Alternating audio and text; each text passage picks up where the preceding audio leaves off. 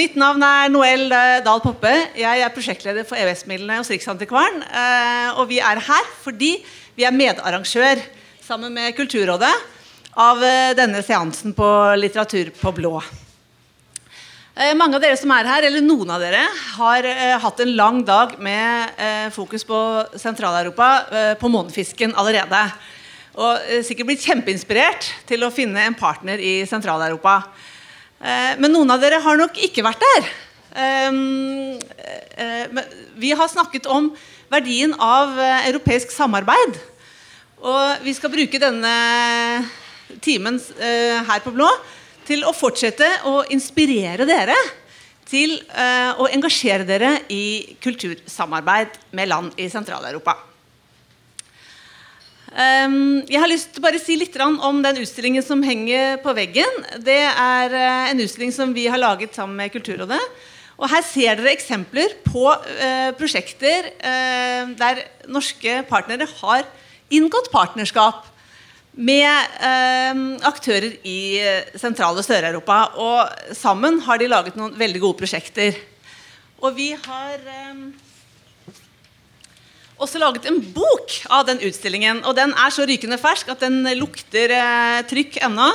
Det vil bli gaven til eh, paneldeltakerne i dag. Så det var litt egen reklame. Da tror jeg egentlig at jeg bare gir ordet til min uh, kollega Brit i Kulturrådet, som skal si litt mer om hva vi skal høre i kveld. Det skal jeg ikke. Jeg skal si litt mer om eh, det vi har hørt om før i dag. som Noel har vært inne på. Jeg er også fra Kulturrådet. Eh, og vi har også arrangert en konferanse i dag for de som ikke vet det, om EØS-midlene. Og Vanligvis når vi har sånne konferanser, og nå er det en ny periode i EØS-midler, det kommer mange penger, da pleier vi å si sånn Nå er det satt av 2,8 milliarder euro til programmer og prosjekter i 15 land i Sentral- og Sør-Europa. Og så pleier vi å forklare litt om penger og systemer og forkortelser. Og det var i hvert fall jeg litt lei av, og det fikk uh, kollegene mine litt lei av.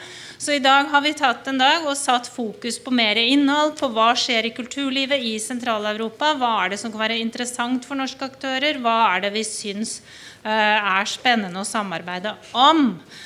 Og um, En av grunnene til at vi gjør det, det er jo selvfølgelig at vi syns det er morsommere, men det er også at jeg syns og vi syns at kultur er for viktig til å bli overlatt til en masse abstrakte målformuleringer for at de kulturprogrammene som nå kommer med mange land, skal bli vellykket så må vi få eh, eh, så må, vi, eh, så må kulturlivet også i Norge føle et eierskap til de programmene og inn i prosjekter som de og dere får være med på. Og Derfor så er vi veldig veldig glad for å fått lov til å, arrangere dette arrangementet, eller være med på dette arrangementet sammen med Litteratur på blå. Og så er det også, så det vil vi gjerne si tusen, tusen takk for. Og så er det også sånn at det er jo ikke bare litteratur på blå i kveld, det er kultur på blå. Eh, det er utstillingen Noella snakket om. Det er noen tegninger dere ser her som kunstneren Dagmara Pater, polsk-norsk kunstner, har tegnet fra den konferansen vi er, har vært på i dag. Eh, det er, ehm, det er, Arne Berg som spiller musikk med hva var det de kalte det, sentraleuropeiske vibes. Og vi har altså et veldig spennende panel som snakker om, om litteratur. Og vi har bøker som er oversatt fra språk eller fra land i Sentral-Europa med støtte fra Norsk kulturråds oversetterordning. Så det var det. Eh, da gir jeg ordet videre til Litteratur på blå.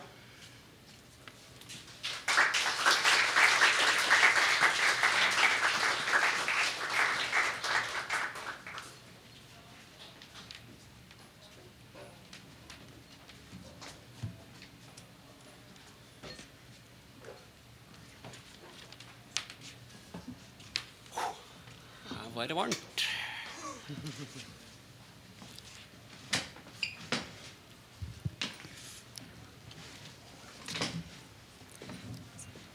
Ja, hei og velkommen til uh, Litteratur på blå og kveldens uh, samtale som vil handle om sentraleuropeisk kultur og litteratur. Om eh, gamle og nye, synlige og usynlige grenser som eh, preger eh, det, lite, det, kulturelle landskapet i eh, dagens Europa. I eh, panelet så sitter eh, Ingrid Brekke, journalist i Aftenposten. Steinar Lone, oversetter fra rumensk, fransk og italiensk. Forfatter Jonny Hallberg. Og ordstyrer Ida Amalie Svensson. Litteraturviter og tidligere medlem i eh, Litteratur på blå-redaksjonen. Samtalen eh, var i om lag en time, og det vil bli mulighet til å stille spørsmål i etterkant av samtalen. Eh, og etter det igjen så vil eh, tre fra redaksjonen eh, lese eh, tre utdrag fra noen av våre sentraleuropeiske favoritter. Så da gjenstår det bare å ønske god fornøyelse.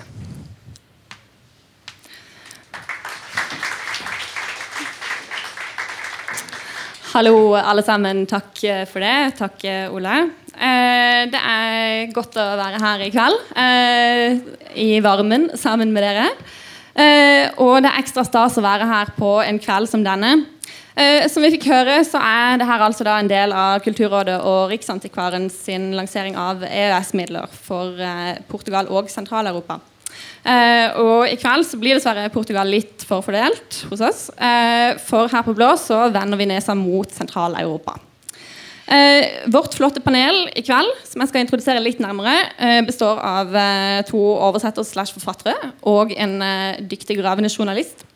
her ved siden av meg så har jeg Jonny Hallberg, måsing. også Krasjnokai-entusiast og oversetter, og ikke minst forfatter. Eh, siste boken din var eh, 'Like nord for kirka' i 2016. Eh, og så har du også, relevant for denne kvelden her, eh, skrevet en eh, reiseskildring fra Romania. Eh, en roman. En roman. Takk for det. Fra Romania. Mm -hmm. som het Hva? Som, som het All verdens ulykker. All verdens ulykker. Finn den på et bibliotek nær deg. Eh, vi har også Steinar Lone med oss i panelet. Eh, en eh, veldig språkmektig mann. Skribent og oversetter fra både rumensk, italiensk og fransk.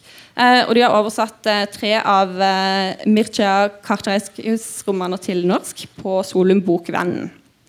helt til siden her så har vi Ingrid Brekke, som sagt. Merittert journalist med lang fartstid fra Aftenposten. du har vært Berlin-korrespondent og kulturjournalist. Og så har du skrevet eh, bøkene 'Da øst ble vest' om eh, Europa etter murens fall. Eh, og dessuten den første norskspråklige biografien om Angela Merkel. Så velkommen til dere igjen. Da jeg ble spurt om den ordstyreroppgaven, så var det med stor nysgjerrighet og også en del ydmykhet. Jeg kan ikke hevde at jeg hadde ekstremt god oversikt over Sentral-Europa og hvilke land som tilhørte denne betegnelsen. Eh, det viste det seg at ingen av vennene mine hadde heller. Så eh, vi begynner litt lavterskel i kveld, eh, og da med overskriften 'Hvor er Sentral-Europa?' Innledningsvis har jeg bedt deltakerne her om å reflektere litt rundt det. Men først så tenkte jeg vi kunne høre fra Steinar om oversettelse i denne konteksten. Takk for det, og takk for at jeg ble invitert. Jeg blir ikke invitert så mange steder for å snakke. Det er som regel omvendt. Um, EØS-midlene er jo i liten grad ting som går til litteratur, fordi uh, det som skjer, er at Norla, Norwegian Literature Abroad, finansierer veldig mye oversettelser fra norsk til de forskjellige fremmedspråkene. Og når vi skal uh, snakke om litteratur på norsk som kommer fra hvilke land det nå er vi ser på som Sentral-Europa, så har vi et lite problem, for det er ikke alltid oversatt så veldig mye. Jeg skal illustrere det ved å lese litt fra en bok som neppe noen av dere har hørt om. Dere bør ha hørt om forfatteren. Den er ganske gammel. Enken på Bruset var død. Og nå kimet telefonen over bygd og by. Har du hørt det? Skogdistriktene rundt òg ble rystet våken, og man spurte seg selv om man spurte andre. Hva vil nå skje? Der var mer enn en bank, hvor det ble uro.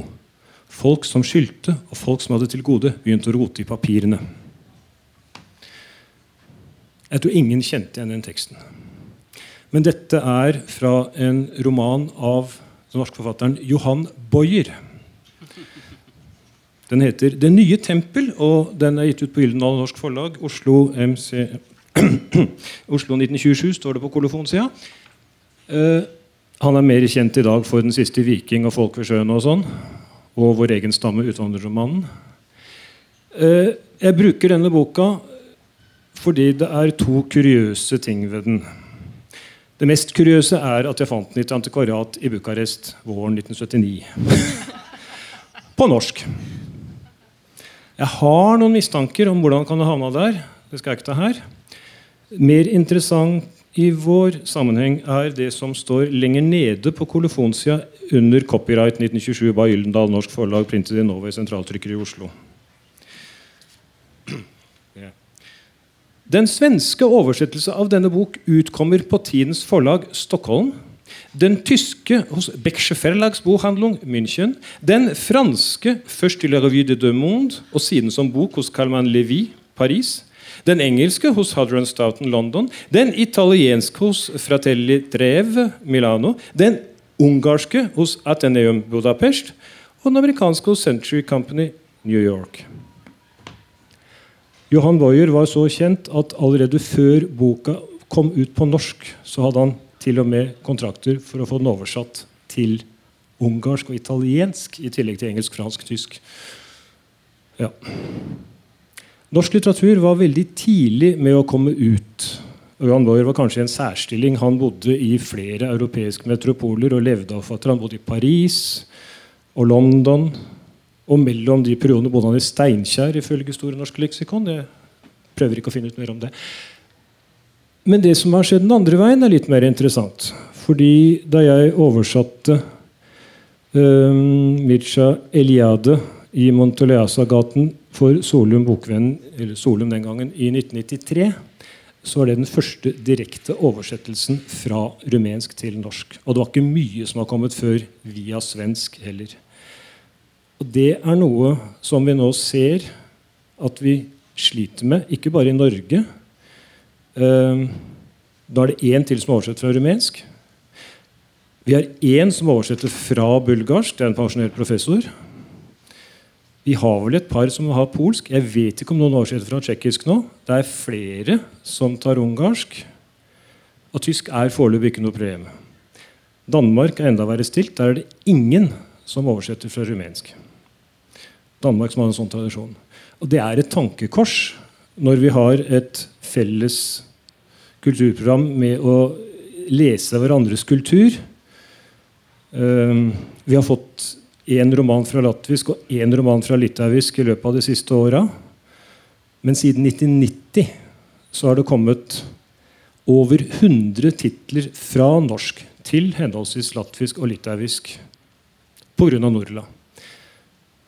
Og det er et tankekors. Jeg synes Vi skal bare huske det at det er ikke sikkert vi kan si så veldig mye om sentraleuropeisk litteratur. For vi får jo ikke lest den. Vi får håpe vi klarer å hoste opp et par betraktninger likevel. Eh, jeg sender stafettpinnen videre til eh, deg, Ingrid. Ja, da skal, vi, skal jeg svare litt på hvor er Sentral-Europa. Og som den journalisten jeg er, så gikk jeg jo da til min venn eh, Wikipedia. Eh, og der står eh, disse landene. Tyskland, Polen, Tsjekkia, Slovakia, Ungarn, Østerrike og Sveits. Som den liksom sentraleuropeiske kjernen. Og dette samsvarer sånn omtrent med de landene jeg hadde ansvar for når jeg var i Berlin som Berlin-korrespondent, for da var jeg også, ble kalt Sentral-Europa-korrespondent. Eh, og Romania, som vi jo kommer til å komme litt mer tilbake til, det ligger litt sånn i, i grenseland i disse definisjons... Eh, ja. Men grunnen til at man overhodet kan stille dette spørsmålet, det er jo nettopp at dette er et flytende område mellom øst og vest eh, eh, i Europa. Det er flytende både fordi landegrensene har blitt flytta rundt på, og regimene har vært i stadig omveltning opp gjennom historien. Og det er også eh, flytende fordi det ligger eh, Noen av disse begrepene er litt sånn lada. Um, det har mer enn en geografisk betydning. da. Så Jeg skal komme med to eksempler eh, på disse flytende tilstandene.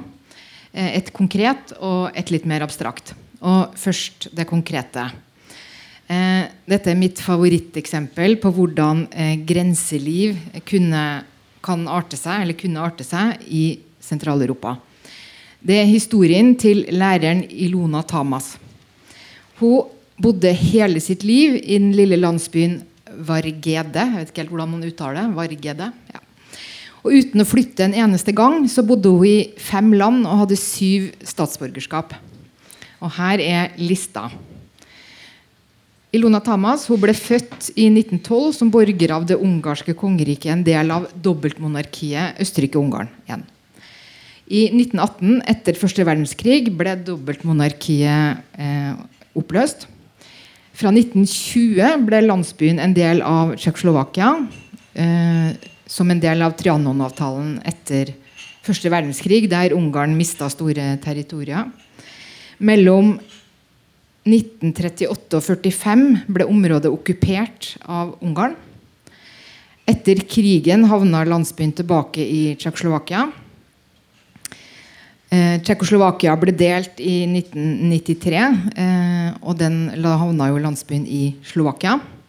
Og i 2010 så innførte Ungarn nye eh, lover for statsborgerskap, sånn at ungarsk minoritet eh, fra eh, andre land kunne søke statsborgerskap. Dette gjorde eh, den gamle læreren eh, da hun var 98 år, for hun hadde i hele sitt liv følt seg som både eh, slovak og ungarer.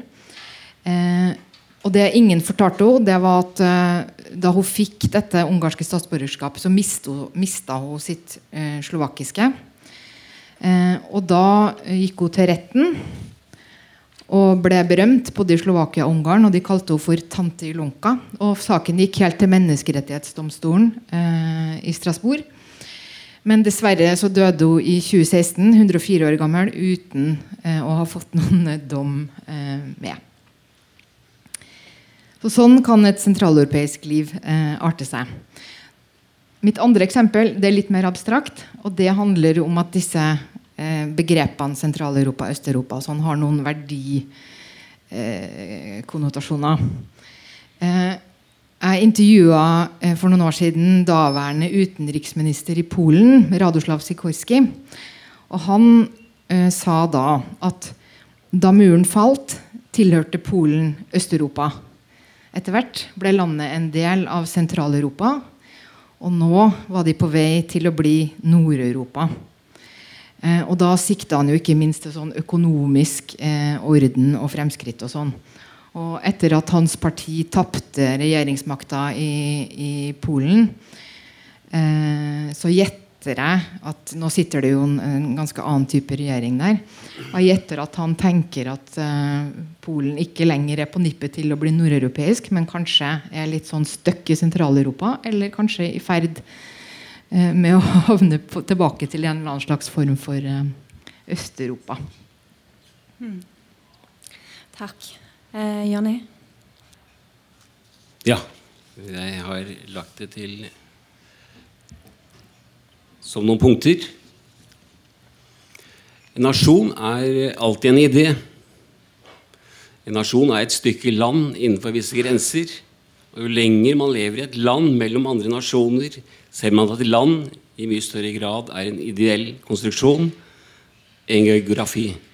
Selv om ideene om det springer ut av geografien.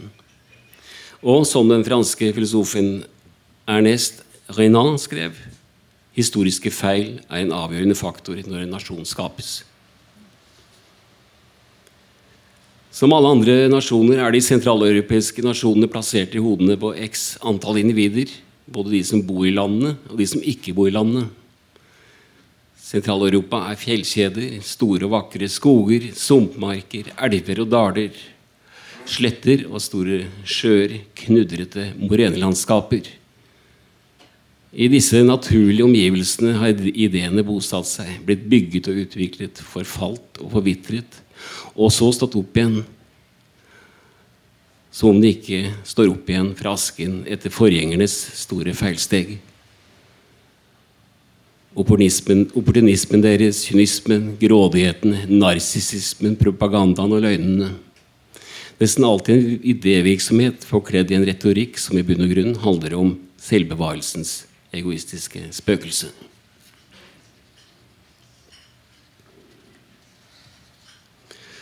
Sentral-Europa er ideer på vandring over grensene.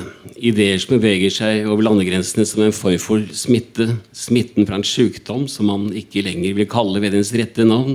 For om man gjorde det, måtte man innrømme at det som skjer i flere og flere sentraleuropeiske land, er i ferd med å bli en gjentagelse av forgjengernes fatale feil. I skjæringen mellom en fortvilet mangel på sjøltillit og en minst like fortvilet drøm om fornyet stolthet og storhet. Vissheten om at man ble fornedret, og det hatende blikket du speider rundt deg med. Ideen om at den nasjonen du tilhører, hadde en storhet som skal gjenoppstå. Ideen om at det som kjennetegner en nasjon, skal stamme fra samme nasjon. Selv om historien viser at det tradisjonelle hodeplagget opprinnelig er fransk, eller at den genuint nasjonale hesterasen egentlig ble importert fra Nord-Afrika. Det er ideen om renhet. Og at den fremmede med sitt urene blod, sin sedvane, religiøse tilknytning, menneskesyn, kom med et ønske om å beleire, overta og støpe om ditt hjem og din kone og dine barn i sitt bilde. Ideen om at en nasjon bare kan overleve med en sterk enhet og en samling av verdier som ikke må splittes, om enheten blir truet, kan man bruke diktatoriske maktmidler for å hindre at så skjer. Ideen om at forvirringens tid snart må være over, at man får ledere som virkelig tror på det de gjør, ikke er korrupte og er sterke nok til å gjennomføre det de tror på. Eller alt er som før. Slik er det jo også. I Sveits, i Østerrike men hva betyr nå det? I Luxembourg, Belgia Det er i det østlige Sentral-Europa at den politiske ekstremiseringen topper seg, og toppen er ikke nådd. Man setter opp gjerder over mesteparten av verdens store og lange gjerder. Ungarn satte opp sitt. Ungarn har satt opp grensegjerder mot Serbia, mot Kroatia, mot Slovenia. De skulle også sette opp et mot Romania, men det ble avlyst. I 2015 hadde Ungarn med Viktor Orban satt opp 523 km med gjerde. Altså omtrent Unnskyld. Mot andre nasjoner. Siden har det blitt bygget nye 140 km med gjerde. Altså fem Unnskyld, nå så er jeg feil her. 5660 km. Jeg glemte en null i det første her. 5660 km med gjerde mot andre nasjoner. Og dette var et land som sperret inn sine egne innbyggere bak, bak lignende piggtrådgjerder for bare noen tiår siden. De aller siste investeringene innbefatter eh, strekk med elektriske gjerder. I en undersøkelse fra 2016 viste det seg at én av fire spurte slovakere ville ha støttet et diktatur. I en mer nyansert undersøkelse fra begynnelsen av 2017 sa 16% av de spurte slovakerne at de var villige til å avvikle landets demokrati til fordel for et diktatur.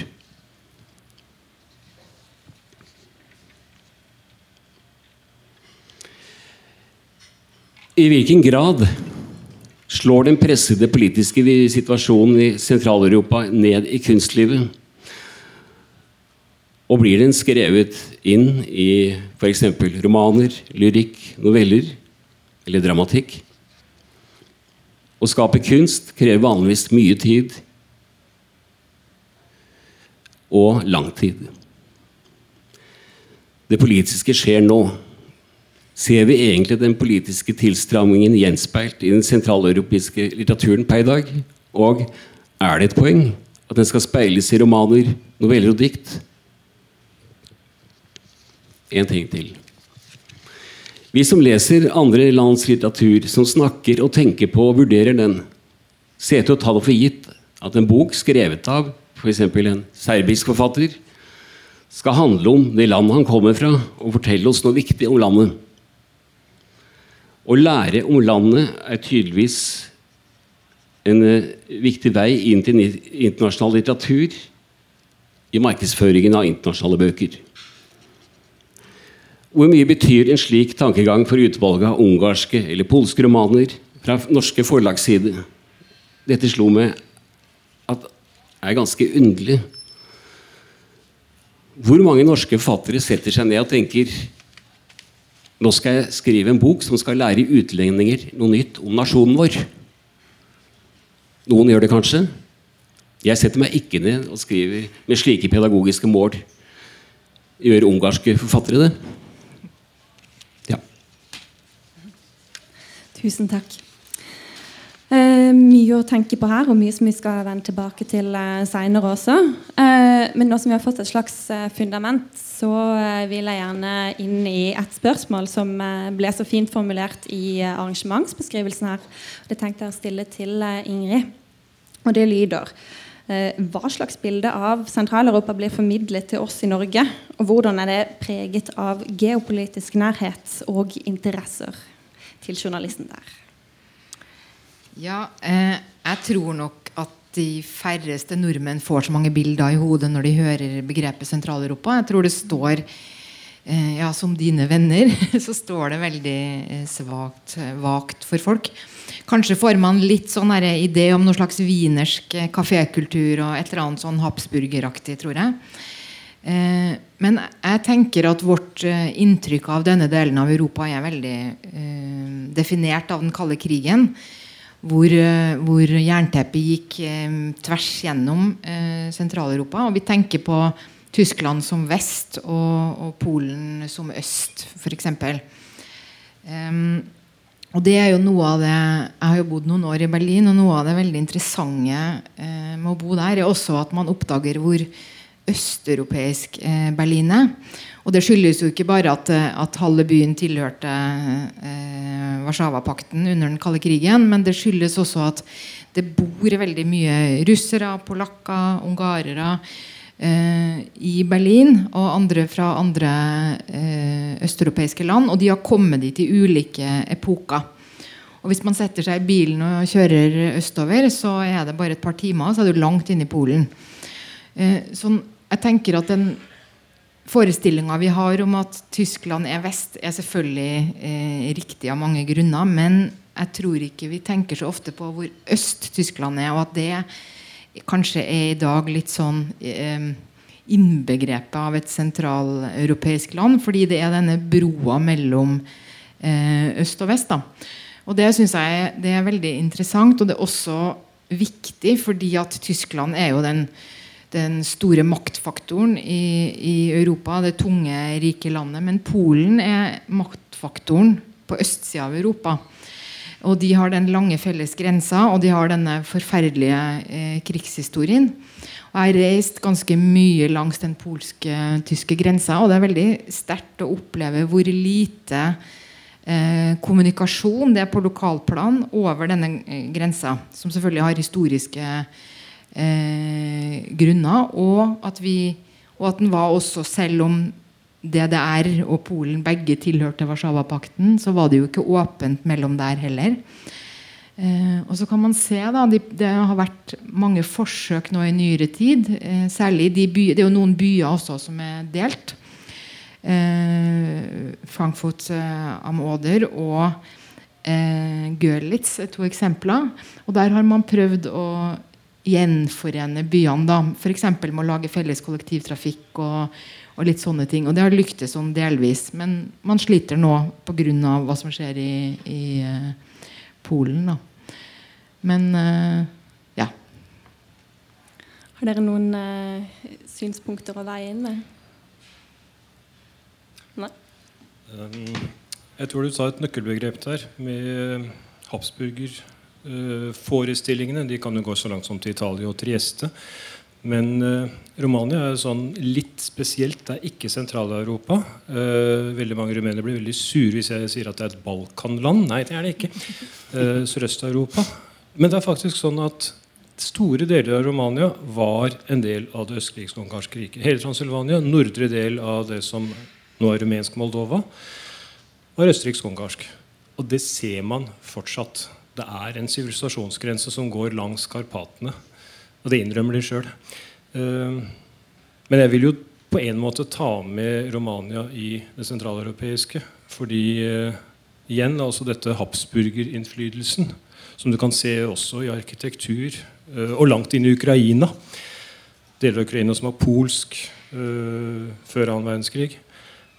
Så det er, ja, nei, jeg, jeg tror jeg nok ville trekke Romania inn i det sentraleuropeiske. Ja. Du, jeg bare spørre kan, Presiser det spørsmålet en gang til. Når... Ja, det skal jeg gjøre. Um, hvordan uh, ser bildet ut av Sentral-Europa slik det blir formidla til oss i Norge gjennom da påvirkning av geopolitisk nærhet og uh, politiske interesser? Ja. Mm. Altså, jeg, tenker kanskje på tre punkter der. og Det ene er jo den kontakten du kan få med land som befinner seg i Sentral-Europa, gjennom mennesker som du møter i ditt eget land. Mm. Og der er vel nordmenn ganske dårlige, meg innberegna, i, i, det å eh, virkelig sette seg ned og prøve å forstå gjennom enkeltmennesker. Hvor er det du kommer fra? Hva slags sted er det du har vokst opp? Hvordan fungerer landet ditt? Altså, alle de spørsmåla som egentlig er så jævlig interessante å få svar på, er vi veldig dårlige uh, stille da, og søke kontakt. Det er sånn uh, i arbeidslivet. Polakken. Det sier jo det meste, syns jeg. Altså polakken. Det er et eh, ansiktsløst vesen fra øst som tar jobber som er veldig altså under det nordmennene ville hatt betalt. Uh, det hadde vært en måte å kunne sette seg inn og skapt et større bilde. Jeg tror folk flest har forbløffende eller, eller forbløffende lite kunnskap om uh, de landa, de menneskene i Norge som kommer fra Sentral-Europa, mm. og som bor like nærme oss. Det er det ene. Og det andre helt åpenbare er jo at man reiser. Uh, og det har vist seg gang på gang at nordmenn reiser helst der man kan klynge seg sammen med, kanskje bruke her det ordet som er populært for tida cluster. Mm. på badesteder osv. Så, videre. så er det noen som drar ut for virkelig å utforske. Jeg tar ett eksempel her som er, handler om meg sjøl. Og det var at jeg var i Vodice i det gamle Jugoslavia i begynnelsen av 80-tallet. Eh, sammen med to norske venner. Vi visste ikke stort om Jugoslavia. Selv om vi var, ville bli forfattere alle tre og egentlig skulle hatt eh, mye mer solid historisk kunnskap enn det vi hadde. Det som skjedde, var at på torget i Vodice så havna vi midt oppi en pogrom. Vi fatta ikke hva som skjedde. Det var en kveld, det var varmt, og det var mørkt på torget. Eh, og det var særlig mørkt i utkanten av torget. Det jeg la merke til, var at på vei opp på torget så hadde det sittet noen og drikket sprit utafor en uh, sjappe med sånn kobberkjeler uh, osv. Som oftest er det da kosovalbanere eller uh, Det kan være sigøynere som selger sånne ting. Flikkere.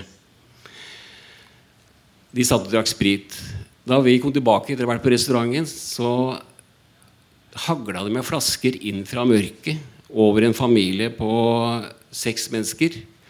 Hvor det var to voksne menn, én voksen kvinne og tre barn. Yngste var kanskje ni år. Jente på 13, jente på 14. Mannfolka blødde i huet og hadde, var nakne på overkroppen og hadde blod rennende ned. Kvinnene løp fram og tilbake og skreik. Barna gjorde det samme haglene flaska inn Nei, eh, flaskene hagla inn fra mørket og traff dem. Eh, vi skjønte ikke hva det var. Vi ante ikke hva dette var. Men det var en pogrom mot kosovo-albanere. Fra landsbyens befolkning. En av oss ble skada eh, pga. glass som han fikk opp etter foten. Det var nå ingenting. Til slutt kom politiet eh, i en jeep de fyrte av skudd i lufta og tok alle albanerne inn i, en, i jeepen og bare kjørte av gårde med dem. Eh, Jeg regner med at det var for å redde livet deres. Og vi hadde til da ikke sett et eneste ansikt av overgriperne. Det var landsbybefolkningen som lå i skyggene i trærne rundt torget.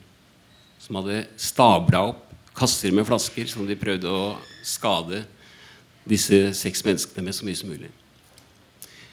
Dette her var akkurat, skjedde akkurat da Jugoslavia ble splitta opp, og alle de forskjellige Det som etter hvert ble nasjonaliteter, kom til overflaten. Jeg husker at Da vi kom tilbake til hotellet, så så vi et program på jugoslavisk med to landsbyhøvdinger som satt. Og hver hadde to pistoler. De hadde digre barter og folkedrakter og snakka om noe vi ikke ante hva var. Så vi hadde null historisk kunnskap om bakgrunnen for Jugoslavia, hvordan det var satt sammen, og visste ikke hva som kunne komme til å skje. For oss var dette helt gresk. Sånn er det gang på gang å komme fra utlandet og ikke vite nok. altså. Det var mange år før jeg, mange år før jeg fatta hva jeg hadde vært med på. Det var like før det eksploderte. Så ja, nei, det, altså det som trengs, er historisk kunnskap, og det mangler vi. Hva eh, som mangler fra den andre parten eh, om Norge, Norden osv., er jo også et spørsmål. Jeg tenkte å lese noe som Kai Skagen skrev 1990 etterpå, men det er veldig kort, men det skal jeg ta etter hvert. Hvor blikket kommer eh, annerledes fra. Men jeg, jeg tror altså, Uttaket de som er kulturelt interesserte, så er våre ideer om eh, Sentral-Europa, Øst-Sentral-Europa utrolig fattige i forhold til den rikdommen som finnes i de landene. Og det er ennå preget av en slags nedlatenhet. Eh, vi skal prøve å bøte litt på i den grad vi kan. Vi skal snakke om eh, to eh, sentraleuropeiske forfattere, hvis vi da kan, eh, kan kalle de det. Og det er rumenske Mircea Catrescu og Laszlo Krasnokai. Jeg tenkte at kanskje hver av dere kunne begynne med en, liten kort intro om de respektive forfatterne, sånn at vi som sitter her og vil lære, får en liten fornemmelse om hva slags forfattere det her er. Eh, og også hvordan eh, dere ramlet over forfatterskapen deres. Hva er det med det de skriver som tiltaler dere? Eh, Steinar, jeg vet at du har en god historie om hvordan du eh, oppdaget eh, Mira Cartrescu. Ja, det var faktisk ikke jeg som oppdaga Mirza Kautokeino. Det var Mirza Kautokeino som oppdaga meg. Oi, oi. Eh, og det er ikke første gangen uh, at sånt har skjedd. Men uh, Mircea Kautokeino eh, var på begynnelsen av 90-tallet gjestelektor i rumensk ved Universitetet i Amsterdam. Og der var det en del som drev med rumensk Amsterdam den gangen. Bl.a. en veldig god venn av meg gjennom nesten 40 år, min tidligere romkamerat fra studenthjem i Bucuresti i 78-79, Jan Wilhelm. Jo, jeg kjenner en fyr i Norge som eh, driver med litteratur og kanskje kan oversette noe. Så ut av det blå så fikk jeg en bok i posten. Det var den endelige, fullstendige utgaven av Nostalgien, som den da het. Den het Drømmen da den kom i sensurert utgave på 80-tallet. Og et hyggelig brev fra en rumensk forfatter som gjerne ville oversettes til norsk. For å si Det sånn, det er ikke siste gang jeg har fått en bok i posten fra en rumensk forfatter som gjerne ville oversettes til norsk. Eh, det hender at de spør nå, og jeg sier nei, jeg kjøpte den i fjor. Men hvis, du, hvis jeg ikke gjort det, så vil jeg helst ha boka fysisk, ikke PDF-en. Jeg liker ikke lese PDF. Men i hvert fall så så jeg på boka, og så åpna jeg den.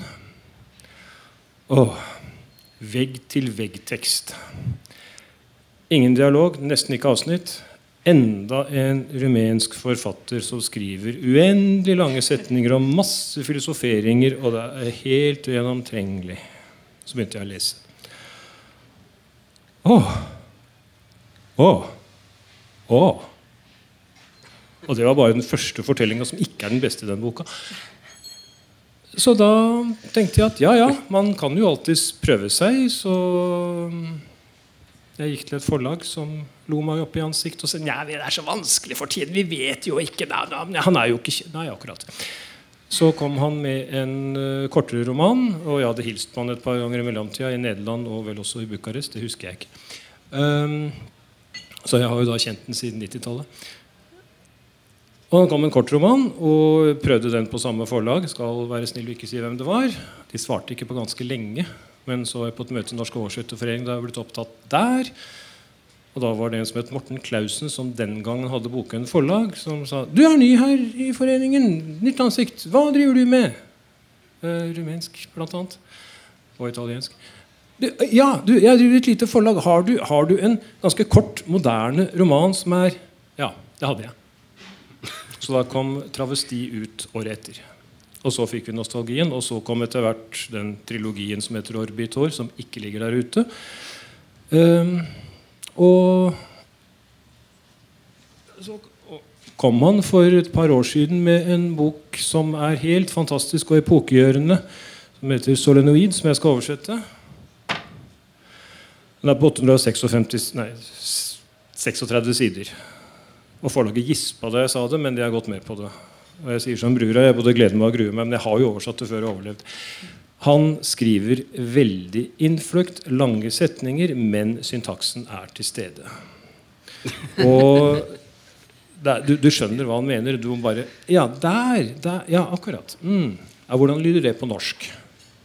Den var litt krevende på norsk. Ja, den er krevende på rumensk også. Skjerp dere. Eh, og han skriver også essay. Jeg har klart å få ut en essaysamling på Gasspedal forlag. Audun Lindholms uh, forlag i en, altså Vagantredaktøren har et lite forlag i en koffert under senga.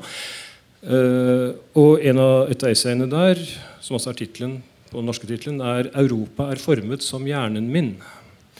Mircha forteller at han var på en bokmesse i Frankfurt eller et eller annet sted og møter en for, ja, forlegger som sier 'Ja, dere østeuropeiske forfattere'. Nei, han er europeisk forfatter. Han vil ikke settes i bås. Han vil ikke si, godta at noen skal fortelle hva han skal skrive om. At du som er østeuropeisk skal skrive om dine ting. Da gjør han jo ikke annet da, enn å gjøre det, så han motsier seg sjøl. Men han er akkurat nå i Madrid på bokmessa og blir intervjua i en spansk avis. og Der uh, gjentar han dette her, at han er først og fremst europeisk forfatter. Uh, ikke sentraleuropeisk heller. Europeisk. Og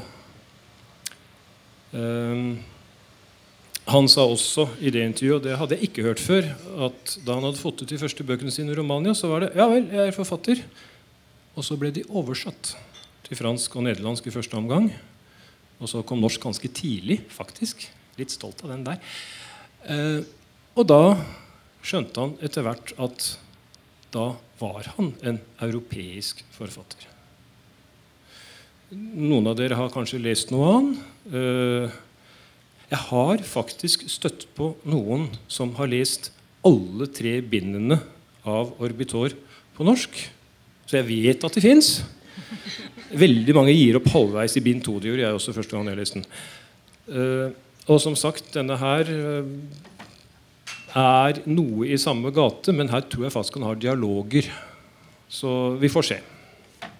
Jeg tror jeg ikke skal si mer om Mircea Kautokeino akkurat Nei, eh, En ekte europeisk forfatter, altså iallfall ifølge han selv. Hva vil du si om eh, Krasjnarkai, eh, Jonny? Jeg, jeg, vil bare si at jeg måtte jo også lese alle tre bindene av Rubitor, fordi jeg skulle jo også intervjue Kartarescu i Stavanger en gang. Det var veldig gøy. Men jeg har med en annen forfatter som heter det Navnet brukte jeg faktisk et par uker på å lære meg. Laslo Krasjnaharkai. altså det Jeg begynner innrømme at det faktisk var Nordli på Litteraturhuset som fikk meg til å se på ham først. For de hadde anbefalt 'Motstandsmelankoli', en svensk oversettelse av en av de vel to mest populære romanene av Krasnorkai. Uh, så fikk jeg høre like etter at uh, Satan Tango, som også hadde en tittel som jeg syntes var ganske spennende, var på vei på norsk. Så jeg begynte å lese 'Motstandsmelankoli'.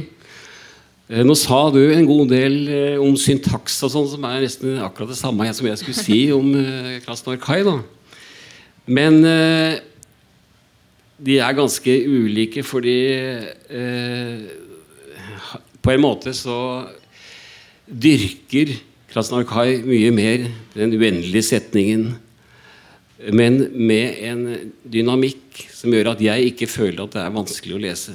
Eh, I debutromanen hans, 'Satan Tango', foregår eh, alt i en eh, utkanten av en ungarsk landsby, altså skikkelig landsbygda. Og I Ungarn så er jo det urbane og det landlige ganske skarpt atskilt, er mitt inntrykk. på mange måter, Så dette er da en del av den landsbygda som er sørpa ned i elendighet. Uh, noe av det som skjer i romanen Jeg skal ikke si så mye om Jo, det kommer en mann som alle venter på. På en bar eller et slags høl i veggen hvor alle er fulle. Og venter på denne profeten som har vært der før, men som skulle være borte, men som nå visstnok har vendt tilbake og skal komme og på en eller annen måte redde disse folka som holder til i dette hølet. Eh, og det er da en slags skildring som foregår i gjørma med folk som er utro, knuller i, i søla Det er som de kaster opp i munnen på hverandre. På en eller annen måte så, så er noe av romanen en slags uh, dirty realism, naturalisme. Uh, på det aller mest dystre, men også jævlig morsomme.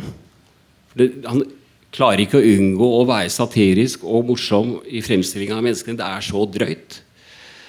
Så de lange setningene står ikke i veien for et veldig saftig verk.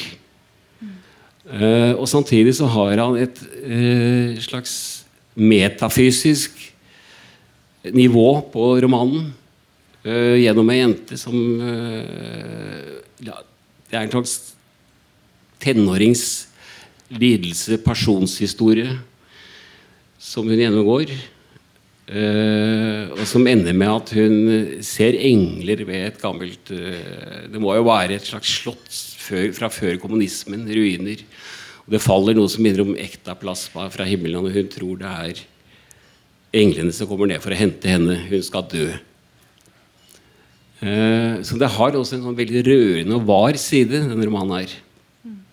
Den er veldig komplekst bygd opp hvis du først begynner å nøste opp hvor mye som faktisk skjer de Det er ikke så mange sider jeg ser at det er ikke så veldig tjukk roman. Det er så fortetta. Og du kan bare fortsette og fortsette å tolke i så mange retninger. Både nasjonalt som en ungarsk eh, symptomroman, nærmest.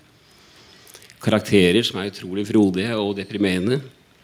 Eh, men også ideer som går utover eh, de man er vant til, i hvert fall i naturalisme og skitten realisme, som jeg har blitt beskyldt for å være med å innføre i Norge. da.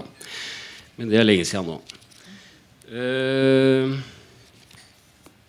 og så er det den andre. Uh, det er, ja, forresten, Da jeg snakka om den, egentlig, og den motstandsmelankoli.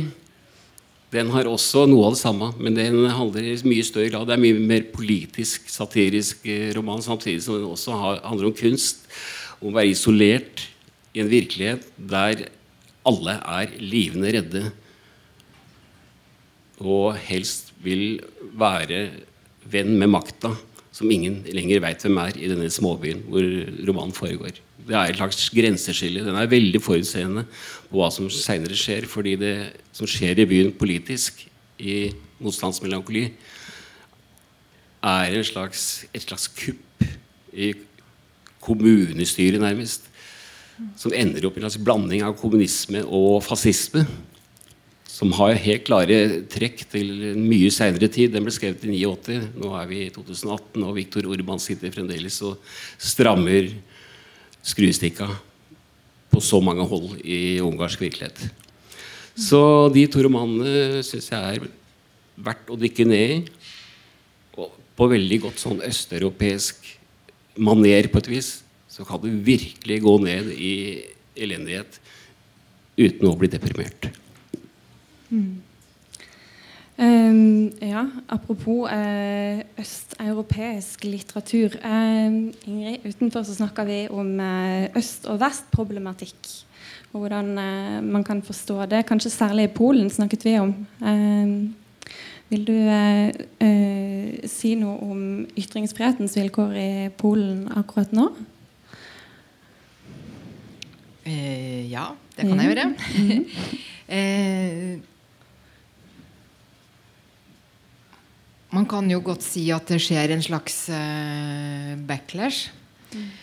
Uh, et eksempel er uh, Siden jeg er journalist, så følger jeg jo med på Reportere uten grenser, som hvert år kommer med en sånn ranking. Og der sank jo Polen masse plasser etter at den nye regjeringa kom. Og nå ligger de på plass 58 av 180 land. veldig dårlig til å være Europa.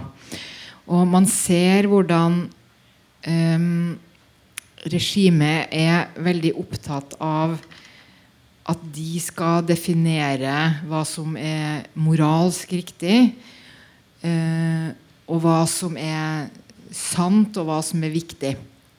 Og det ser man innafor uh, mediene, man ser det innafor kunst og kultur.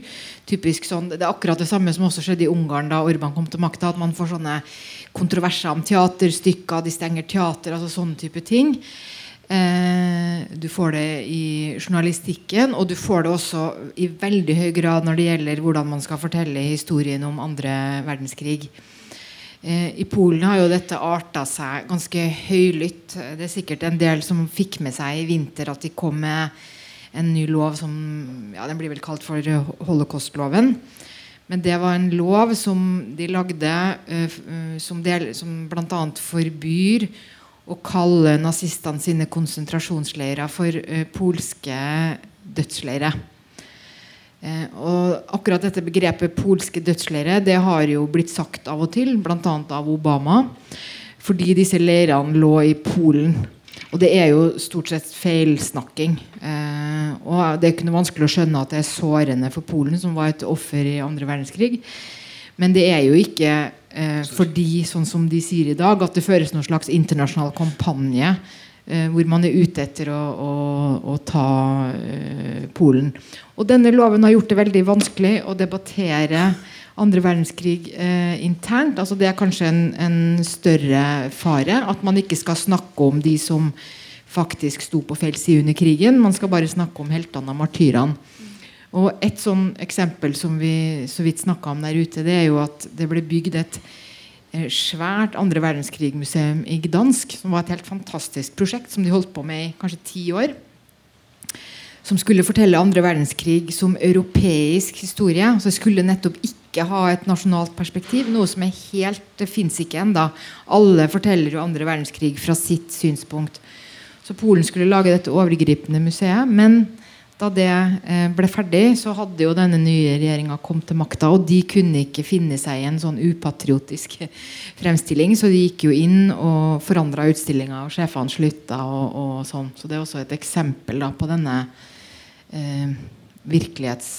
Ja, for, forsøket på å definere hva som skal bli sagt og ment og uttrykt. da. Eh, det går jo også kanskje noen linjer til uh, Ungarn der og måten man forholder seg til andre verdenskrig på også. Uh, Ungarn hadde jo en fortid som alliert med Nazi-Tyskland. Uten at det har kommet noe særlig til uttrykk i måten man minnes krigen på. For man minnesmerker og tilsvarende. Uh, Steinar, jeg ser du gjør deg klar med ikke bare én, men to bøker her. hva tenker du på nå? Uh, jeg kan jo først si noe om ytringsfrihet i Romania. Fordi mm. folk leser ikke aviser. De hører bare på noen få radiostasjoner, og de ser bare på noen få fjernsynskanaler. Og de er i hendene på oligarkene. Også den nasjonale statsdrevne. Så da kan man si at det er ikke gode kår. Samtidig så er det jo en livlig nettbasert diskusjon Romania har faktisk et veldig godt utbygd Internett. Og det er typisk steder på landsbygda hvor de har brønn, utedo, satellittfjernsyn og smarttelefon. Så det er ikke kommet noen sånne innstramminger der. Det de krangler om der, det er hvor mye de skal offentliggjøre av arkivene fra kommunisttida. Og hvem som skal få lov til å forske i dem, og hvem som skal få se hvilke mapper osv. Der kan det bli en del bråk. Uh, og det har jo vært en viss motstand mot å ta opp de tingene. Når det gjelder annen verdenskrig, så klarte Romania å skifte side fra å være alliert med Nazi-Tyskland uh, og til å gå på alliert side sammen med Sovjetunionen. Sovjetiske styrker sto ikke langt unna Bucharest, og det var i siste liten. Men uh, de, de, prøver liksom å skyte seg under det, og det kommer. Helt nord i Romania så ligger en liten by som heter Sigetomar Matsiei. Siget på ungarsk. Uh, og der ligger et museum som også er et minnesmerke over ofrene for kommunismen. Det var lyrikeren, forfatteren Anna Blandiana blant andre som dro i gang dette. Og det var det mye motstand mot, men det er nå et levende museum, og jeg har vært der. Uh, så det har ikke vært noen hindringer i veien for at sånt skal skje. Rike like i nærheten der er også barndomshjemmet til Elie Wiesel, altså den fransk-ungarsk-jødiske forfatteren som var derfra.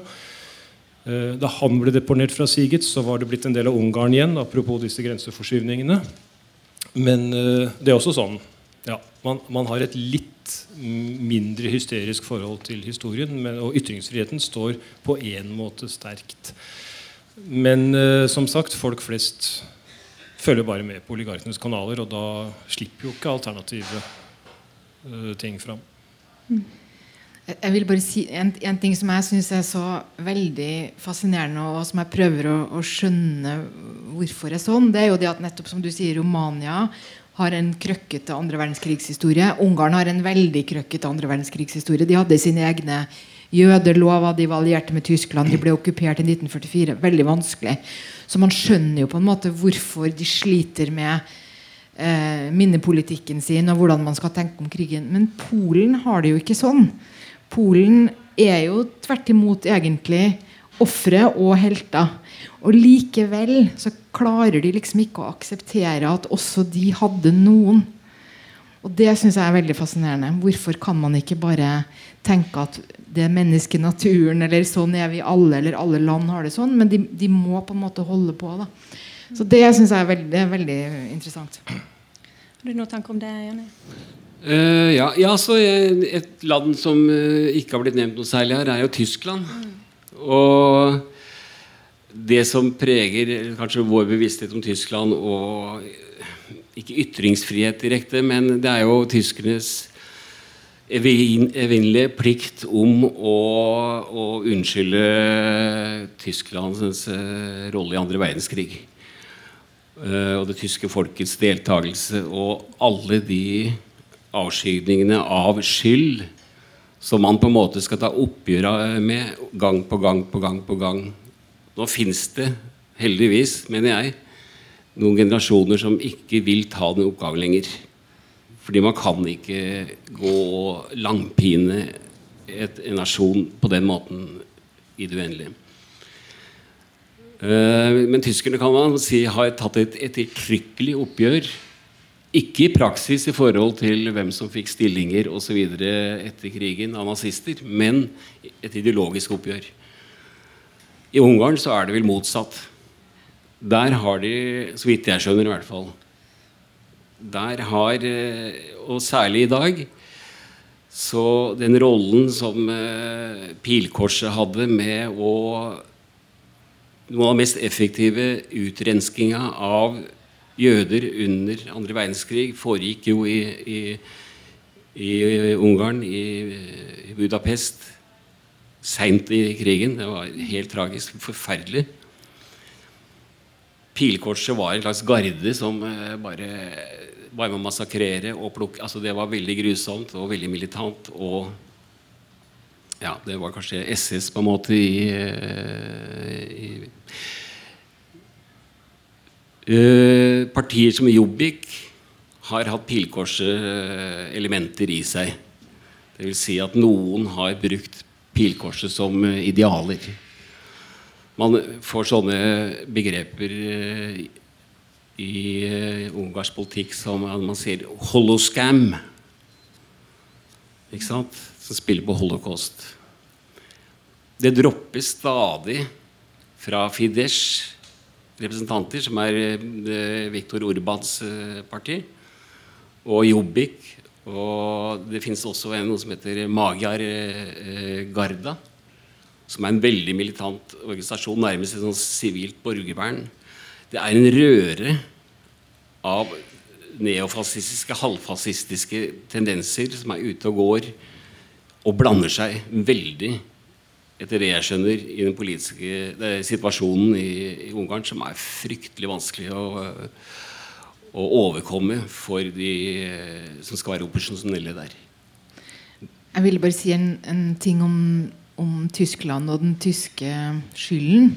Fordi jeg tenker at eh, altså Du har jo helt rett i at det, det, kommer et tidspunkt hvor du må slutte å, å, be om unnskyldning i form av et personlig ansvar. fordi at de som var med på dette, er jo for lengst døde. Men Tyskland i dag fortsetter jo å, å ha ansvar som nasjon og ta det ansvaret som nasjon.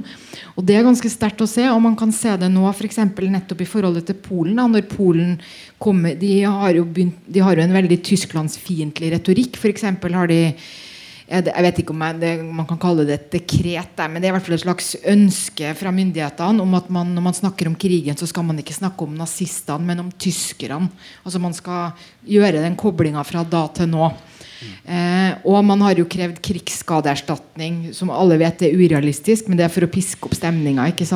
Og hva sier Tyskland? Jo, de bare sier holocaust var selvfølgelig vårt ansvar.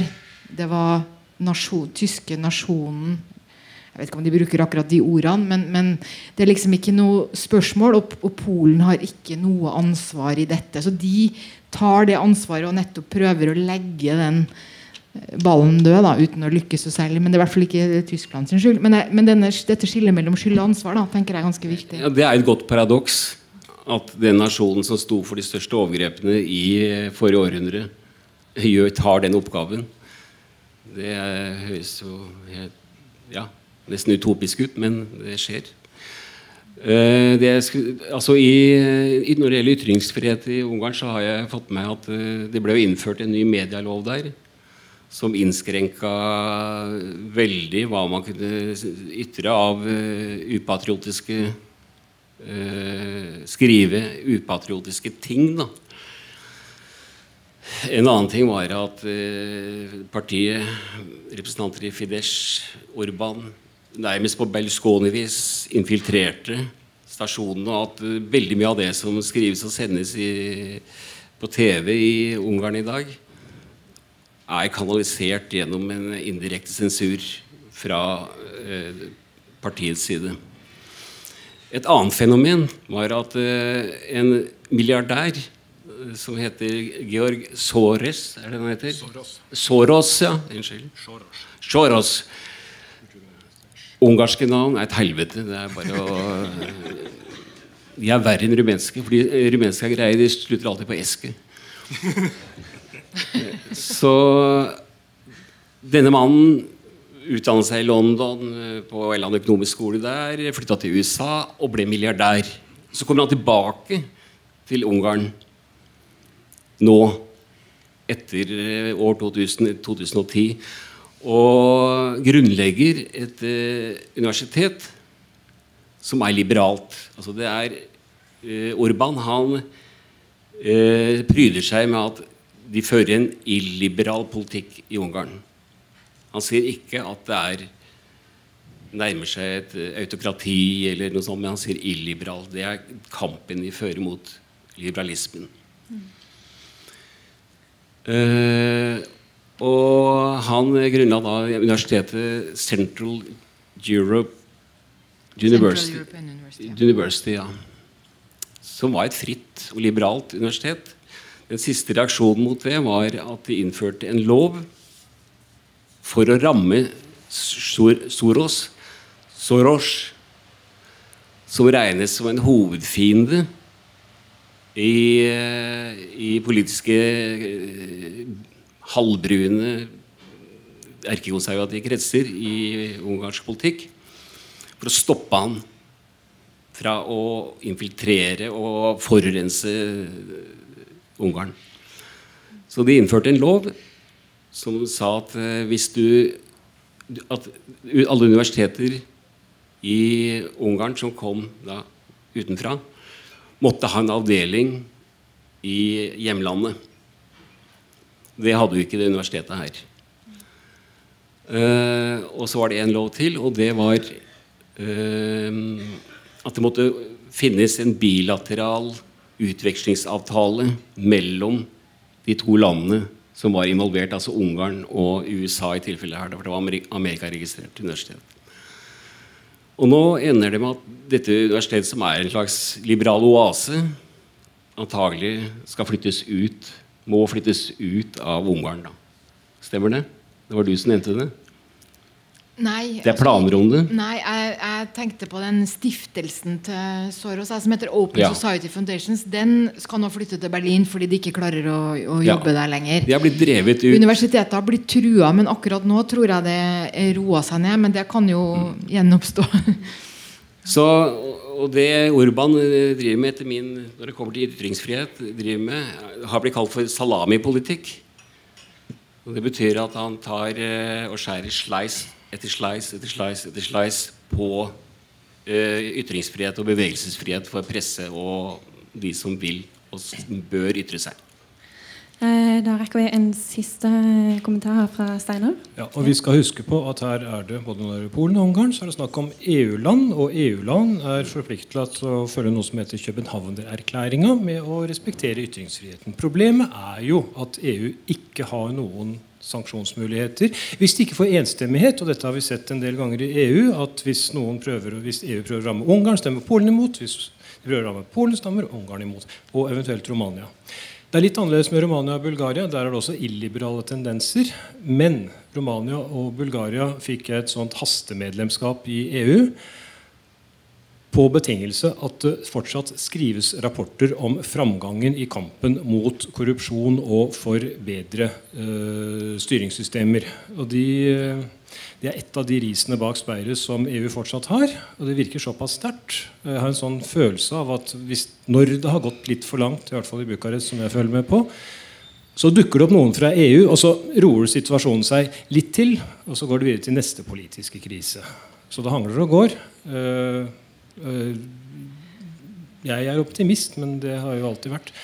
Jeg ville jo aldri trodd, da jeg hadde vært student her i 1979, at jeg en gang skulle, som jeg faktisk gjorde, tolke for en rumensk forsvarsminister som var i Oslo for å drive lobbyvirksomhet for at Romania skulle bli med i Nato. Det er jo helt utrolig hva som skjedde fra 1989 framover. Vi må ikke glemme det. Var du kreativ i oversettelsen, eller? Eh, for å være indiskret, Det var ikke den rumenske forsvarsministeren som var problemer, det var den norske. Hun hadde satt sine medarbeidere til å skrive en tale, og de hadde trykt på klisjégeneratoren. Hater når det skjer. Um, vi må uh, dessverre runde av her. Uh, jeg vil avslutte med å spørre dere Nå har vi malt et, eh, et slags bilde her, men for å nyansere litt, så kan vi jo som alltid ty til skjønnlitteraturen. Uh, sentraleuropeiske favoritter. Har dere noen?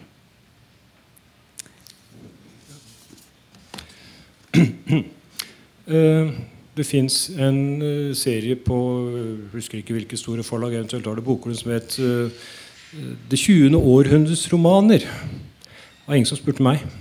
Eh, I 1933 så kom det en eh, roman ut skrevet av Camille Petresco som heter 'Prokrustes seng'. Den er ikke på mer enn 350 sider. Jeg klarte å få et forlag til å ta den via noen subsidier, bl.a. Bokklubbenes oversettelsesstipend. Den fins på norsk. Den ble ikke innkjøpt av en eller annen grunn. Dette er veldig lenge siden. Den bør finnes på bibliotekene.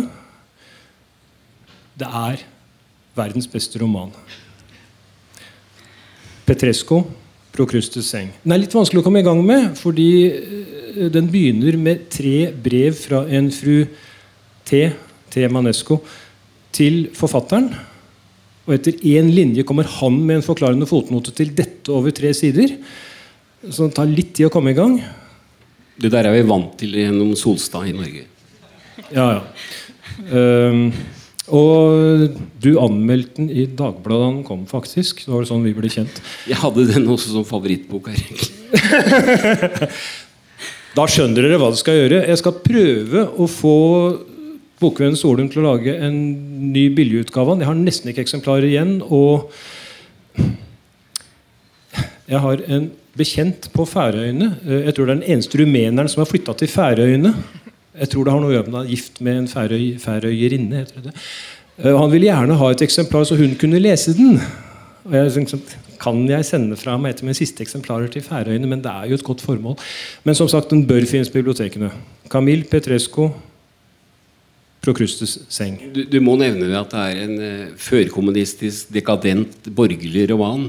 Ja, jeg sa Fra den 1933. tida hvor uh, Bucurestis uh, aristokrati var så parisisk at sminken bare rant nedover uh, fjesa på kvinnene. Ja. Det var Da har du nevnt. innsalget sitt, det. Eh, Ingrid? Ja, eh, jeg har da tatt meg den frihet til å ha to. eh, En sakprosa og en roman. Og begge er litt sånn som jeg tenker Altså Med disse sentraleuropeiske eh, europeiske epokene og tidslagene. Da. Og det ene, Den første det er da eh, historie en som heter Fritz Stern, tysk-jødisk historiker. Eh, født i Breslau, i det som nå er Wroclaw i Polen. Og boka heter 'Five Germanys I Have Known'. Og den handler da, Det er memoarer og handler om, om eh, eh, disse fem Tysklandene. Weimar-republikken, nazitida, kommunisttida, Vest-Tyskland og det gjenforente Tyskland. Nydelig skrevet, og man lærer masse historie. Den andre, det er, Nå bryter jeg en regel, for jeg anbefaler en roman jeg ikke helt ferdiglest. og Det er da Jenny Erpenbeck, som jo kommer til Litteraturhuset i overmorgen. Og har skrevet en ø, ø, bok som heter 'Alle dagers ende' på norsk. Og som nettopp også har dette ø, ti, de ulike tidene og handler om Galicia og sånne eh, regioner som på en måte eh, nå ligger mellom alle land. og ja Eh, den er fantastisk, og jeg tror ikke den blir dårlig de siste 50 sidene jeg har igjen heller. Janne, du har en eh, hel liste. Eh, vil du ta et forslag eller to? Ja, altså Jeg tenkte faktisk Det er jo en rumensk roman, men jeg kunne aldri gjette at du skulle velge akkurat den. Så Hun fikk to. Vi har den samme. Ja, jeg står da mellom eh, mer Krasnarkai. Eh, men jeg tenkte kanskje jeg skulle ta den framfor Jeg, eh, jeg vil bare si først Les 'Hjertedyr' av av Miller Herta Miller. Herta Miller. Herta, Herta Miller Som er en fantastisk liten roman som handler om hvordan i all verden skal du bedrive kunstkamp i et statsfengsel, som Ceausescus-regimet var. Det andre er den eh, boka her, som både blir kalt en essaysamling og en eh, eh, roman av noen, av Krasnahorkai. Seibo, 'There Below', er den kryptiske tittelen, men Seibo er eh, en japansk gudinne som eh, i Noteatret stiger ned til menneskene altså eh, gjør ting sammen med menneskene. Da. Jeg kan ikke detaljene der.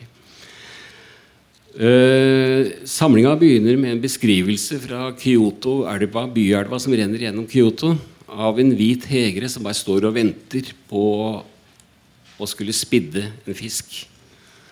Og det hele er en meditasjon over å stå og se på denne hvite hegra.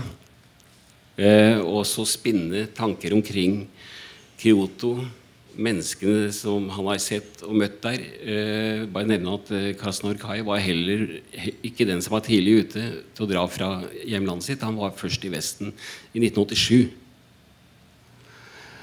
Eh, men eh,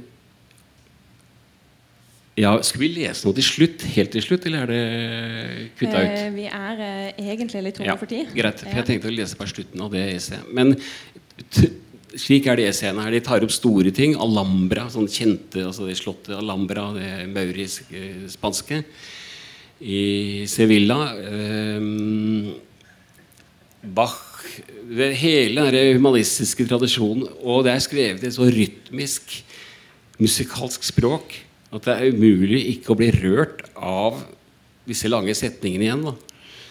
Så han på en eller annen måte så eleverer han det her, hever det opp til noe som igjen jeg tenker det er et eller annet eh, som handler om skjønnhet og metafysikk her, som jeg ikke helt klarer å sette fingeren på, men som gjør den, hele den ganske tjukke samlinga her til en slags stor opplevelse. altså. Jepp.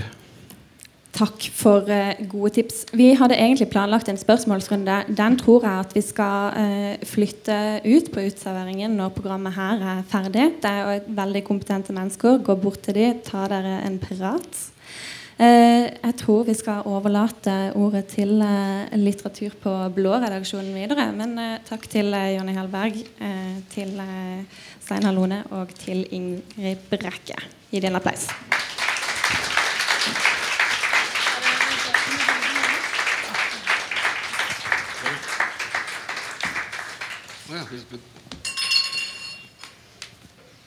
Tusen takk til Hallo?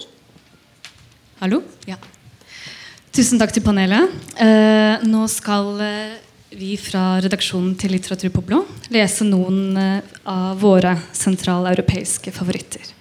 Så det er mikrofonen til Ola.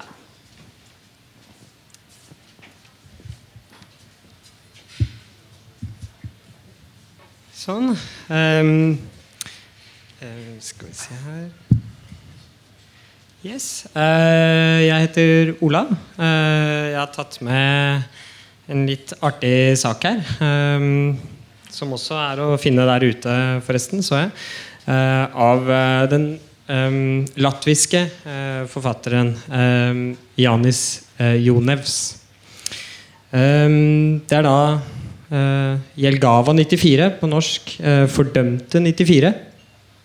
Dette er uh, Jonevs eh, debutroman fra 2013. eh, og ble oversatt av eh, Snorre Svensson i 2016. Ehm, og er eh, Da kan vi tenke oss en, en, en bok som, som står i en viktig posisjon i kulturformidlingen mellom Norden og, og Baltikum. Eh, ettersom den visstnok, da eh, er, er den eh, eneste hittil eh, boka som er oversatt direkte fra latvisk eh, til eh, norsk. Eh, I denne boka så følger vi oppveksten til eh, Janis eh, eh, i, eh, på, på 90-tallet i eh, den latviske byen eh, Jelgava, som ligger litt eh, sør for eh, Riga. Um, og eh, hans eh, ja, reise da um, fra eh, snill, eh, snill gutt og skolelys eh, og inn i da den harde musikkens verden. Og omsider da eh, den norske svartmetallen. Eh, og dette er, musikk, nei, dette er en bok som dreier seg om uh, musikk uh, hovedsakelig. Uh, og jeg vil gjerne lese et utdrag som gjør nedslag på en måte akkurat i overgangen fra den amerikanske grunchen til, til interessen eller dyrkelsen av den norske black metallen og tilhørende religiøse og opprørske ideologi. Uh, dette er en scene fra en uh, Jan Janis er eh, 14 år og sitter i en algebratime.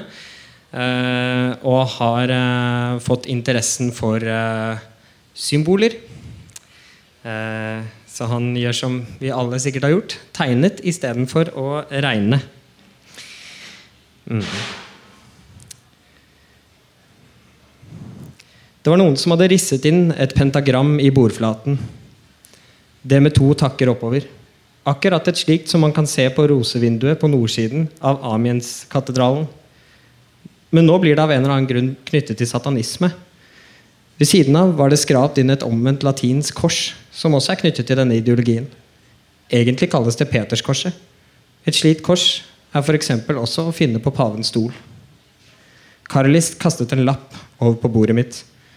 Det sto ikke skrevet 'Stay brutal', men bare navnet på adressaten. Jeg slengte det over til den første benkeraden, og så, tegne, og så tegnet jeg en triangel på bordet og en mindre triangel inni der igjen. Mellom de to trianglene skrev jeg Satirne gan santalini. Dette symbolet skulle tegnes med flaggermusblod på pergament, og så skulle det legges på en vigslet stein. Etterpå skulle pergamentet legges under dørterskelen. Den jente som går over terskelen, ville straks kle seg naken og danse til hun dør, med mindre noen fjernet pergamentet. Det var det Grimorium Verum sa. Gjett om jeg skulle få en viss jente til å danse om jeg hadde hatt pergament og en flaggermus. Selvfølgelig måtte man bruke rett materiale når man skulle avbilde symbolene. Metallfolka fra den fremmede skolen visste å fortelle at en av lærerne der hadde lagt merke til at en elev hadde en blodig arm. Hun hadde fått, lagt, hun hadde fått ham til å vise den frem. På håndbaken var det dypt skåret inn et symbol. Såret verket og blødde. Så spurte læreren Jaha, og hva har vi så her? Eleven hadde svart religion. Men hva var det for slags symbol? Det visste vi ikke. Så hemmelig var sekten som hadde begynt å ta over Jelgava. På slutten av 80-tallet og helt i begynnelsen av 90-tallet ble Latvia rent ned av Mars-sporet. Uten å ha utrettet noe stort vendte romvesenet tilbake til der de kommer fra, og nå kunne vår dragning mot det mystiske tilfredsstilles i nærmiljøet. Plopp, og der landet det en ny lapp på pulten min igjen. På lappen var det skrevet mitt etternavn i dativ. Selvfølgelig la jeg straks merke til at det var en annen håndskrift, og derfor var det ikke engang noen teoretisk mulighet for følelsesmessige opplevelser. Inni lappen sto det skrevet 'Hva gjør du?' Jeg sveipet blikk over klassekameratene mine igjen. Ingen så mistenkelig ut, bortsett fra en jente som gjør det konstant. Og som regel var det kinnet som bedro. På den samme lappen tegnet jeg en dobbelt sirkel, og deretter to kors inni der igjen, på en spesiell måte. Dette symbolet er nyttig hvis man ønsker å bli så usynlig. Og hvem vil vel ikke det? Man trenger bare svarte bønner, et dødninghode og sprit, selvfølgelig. I hvert hull i hodeskallen legger man en bønne. Så tegner man det nevnte symbolet på pannebeinet, og deretter graver man hodeskallen ned i en korsvei. Så tar man spritflaska og dynker stedet der hodeskallen er gravd ned. Og det skulle man gjenta sju netter på rad. På den sjuende skulle en bønne ha begynt å spire, mens den, døde, men, mens den dødes ånd skulle sitte ved siden av. Han ville da spørre 'Hva gjør du?' og skulle naturligvis strekke ut hånda etter, etter flaska. Men den skulle man selvsagt ikke gi fra seg med en gang. 'Janis, hva gjør du?' Lærer Selina sto ved pulten min. 'Ikke noe.' Jeg svarte med samme trygghet som et menneske som er, som er seg sin uskyld bevisst. Men denne gang hørtes det visst ikke helt riktig ut. Ja, det var nettopp det det så ut som. Vis meg heftet ditt. Celine hadde det nykket at, at hun krevde at elevene skulle følge med i timen hele tida og ta notater av alt. Men denne gangen hadde jeg ikke skrevet en døyt. Jeg hadde bare tegnet en grav. Det var gåsungen som hadde lært meg det. Hans tidtrøyte i timene var å tegne gravene til de, til, til de tilstedeværende. Vanligvis var det lærerne som fikk graver. Ja da, ja da, Lisitis, sa gåsungen og tegnet graven til lærer Lisitis. Det var ikke alltid det var pga. noen konkret konflikt. Det var jo også bare for moro skyld at jeg hadde tegnet lærerens grav. Et vakkert kors og gravstein med fornavnet og etternavnet hennes. Gåsungen pleide også å føre opp dødsårsak, men det gjorde ikke jeg. Og jeg ville gjerne, jeg vil gjerne rette lærerens oppmerksomhet mot denne formildende omstendigheten. Men jeg sa ikke noe. Silina satte fingeren på tegningen av grava og sa Hva er det der? Som den vitebegjærlige forskersjela hun var, stilte hun spørsmålet med oppriktig interesse, og nå gjorde hun et forsøk på å stave seg fram til navnet sitt. Jeg følte meg svært utilpass og ønsket at hun ikke skulle lykkes. Plutselig åpnet døra seg, og en fremmed jente med røde krøller forsynte at jeg skulle til rektor. Rektor var en lat dame og pleide å bruke en eller annen skoleflink jente når det var behov for slike innkallinger. Jeg lukket igjen heftet og reiste meg. Noen sa seinere at jeg hadde bleknet. Det er løgn. Det å bli kalt inn på teppet hos ledelsen betydde vanligvis noe katastrofalt for hvilken som helst naturlige opprører og den vanlige dødelige til like. Men denne gang følte jeg det for første gang at jeg hadde kommet helskinnet ut av gravtegningstildragelsen, og for det andre at jeg hadde fått hele klassens beundrende oppmerksomhet. Og for det tredje håpet jeg på at jeg egentlig ikke skulle til rektoren, men at eierinnen av dette fremmede hodet hadde bestemt seg for å kidnappe meg. Takk.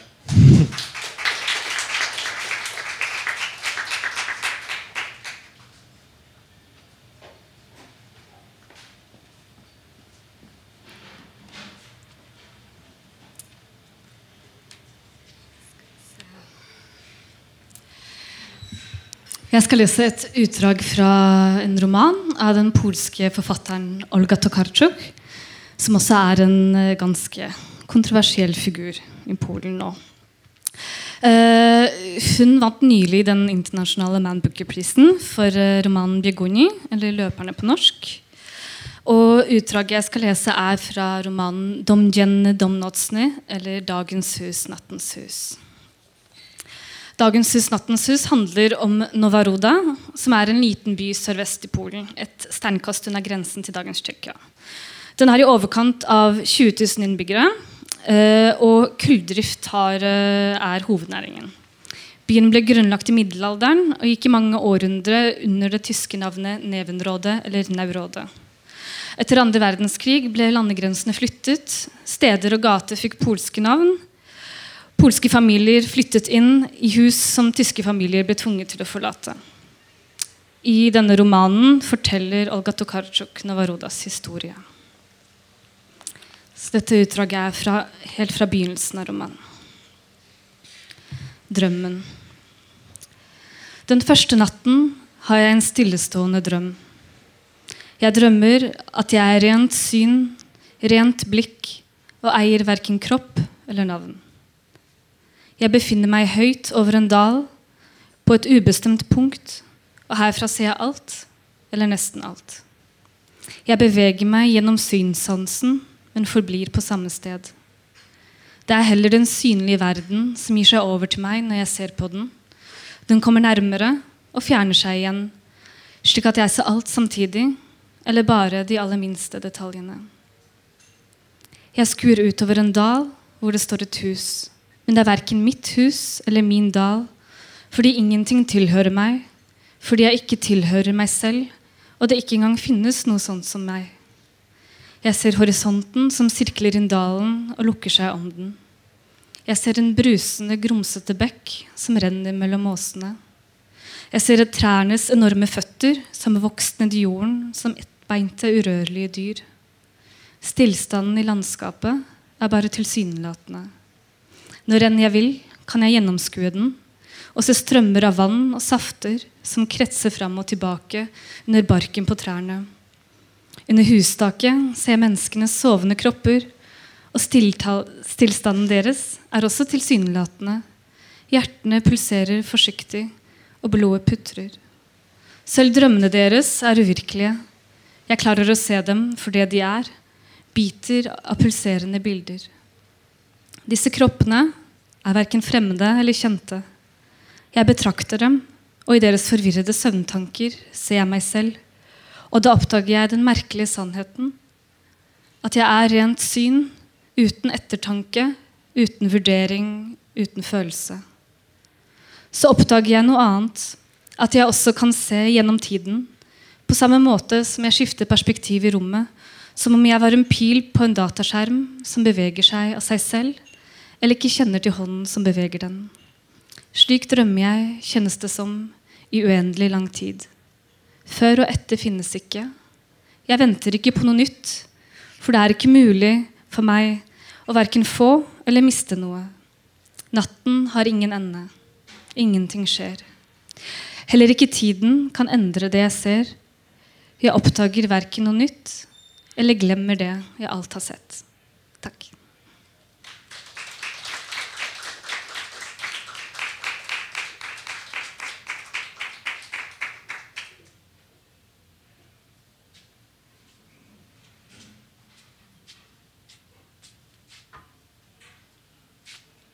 Ja.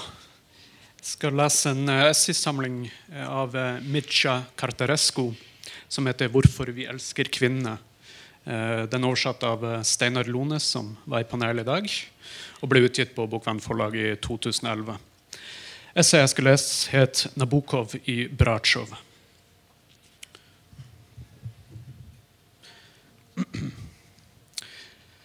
For noen dager siden gikk jeg i full fart med hendene i lommene på ytterjakka gjennom et industrielt landskap, så trist at du kunne ha fått deg på gråten et eller annet sted nede ved Timpori Noi. Det var veldig kaldt, selv om det var sol og novemberdagens morgentåke hadde så vidt løst seg opp.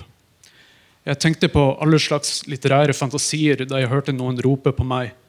Hei, Mircha, står det bra til? En massiv sølvfarget BMW hadde stanset i veikanten noen skritt foran meg, og en helt ukjent person med mørke solbriller i panna smilte til meg ut av sidevinduet.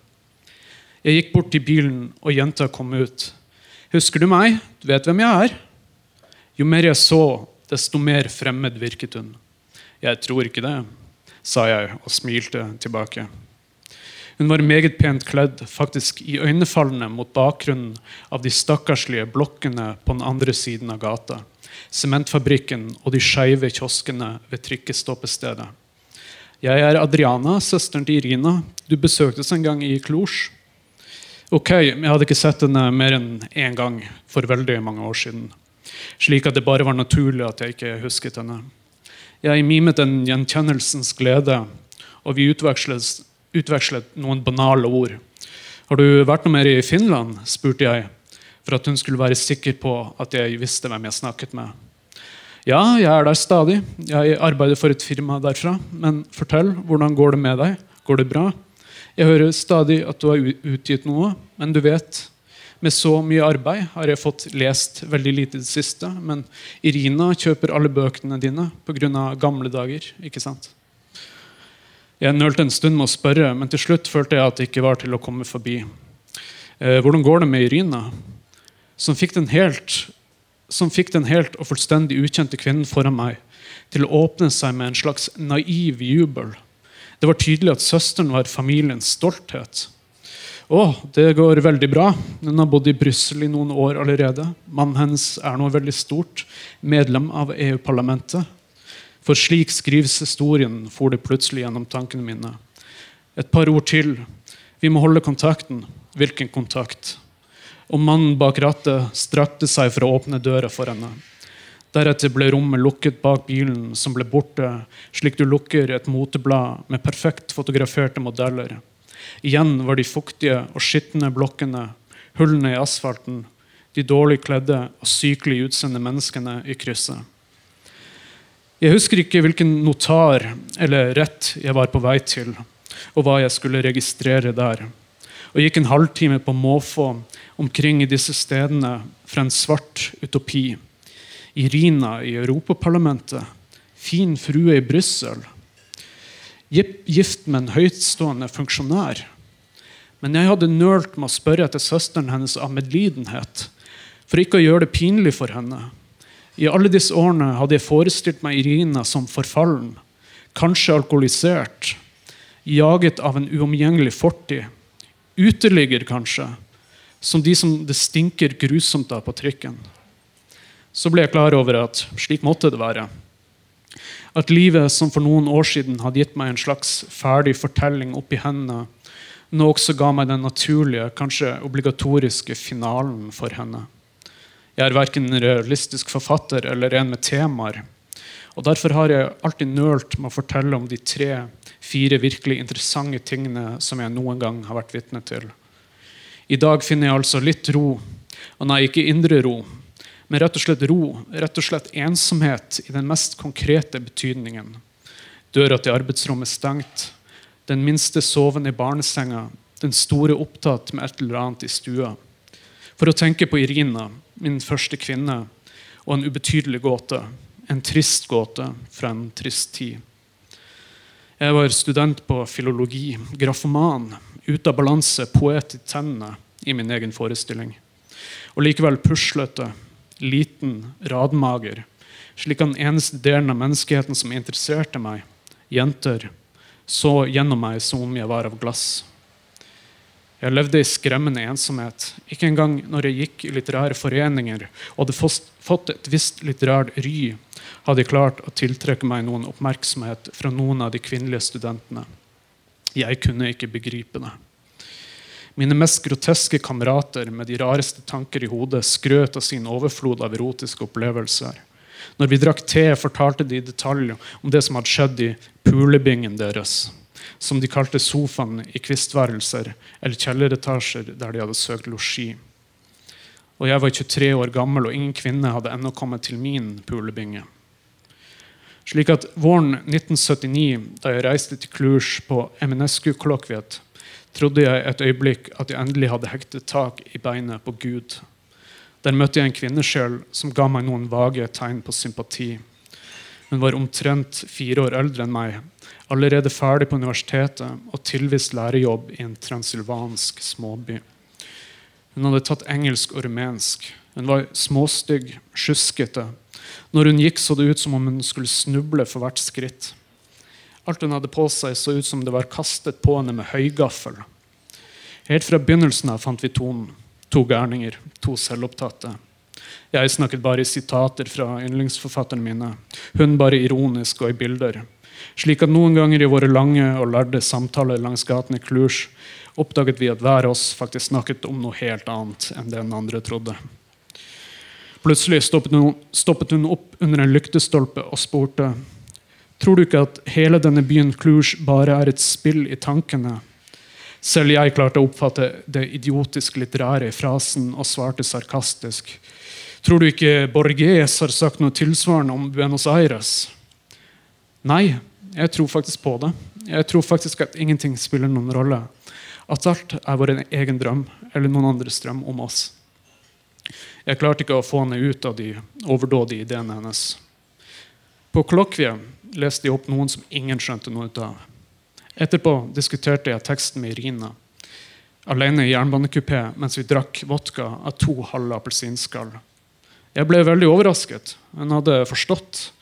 Jeg ble overrasket, og etterpå fikk jeg lov å kysse henne. Fikk lov å og så videre. Men ikke så langt videre. Takk.